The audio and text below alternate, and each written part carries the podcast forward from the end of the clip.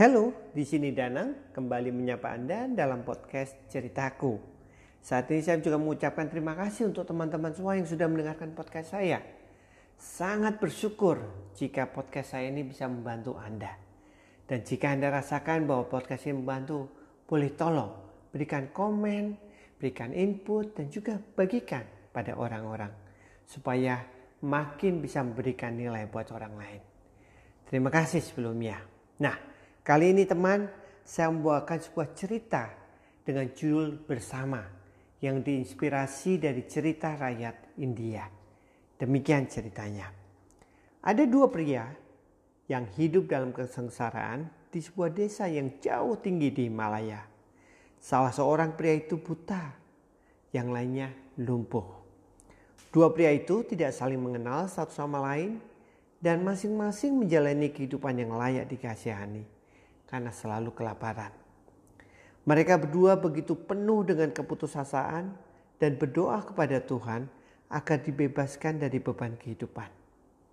Suatu hari, di awal musim semi, pria buta itu sedang dalam perjalanan untuk mengemis di pasar lokal saat dia mendengar doa pria lumpuh itu. Tergerak oleh apa yang didengarnya dan mengetahui bahwa dia akhirnya menemukan seseorang yang dalam situasi yang sama. Pria buta itu mendekati pria lumpuh itu dan keduanya mulai bercakap. Mereka saling berbagi nasib buruk dan dengan segera mereka menjadi teman baik. Kita berdua menderita, kata pria lumpuh itu. Masing-masing dari kita memiliki kesengsaraannya sendiri. Mungkin jika kita bisa bekerja sama, kita bisa saling memudahkan satu sama lain. Tidak mungkin, jawab pria buta itu. Aku buta dan tidak bisa melihat sama sekali.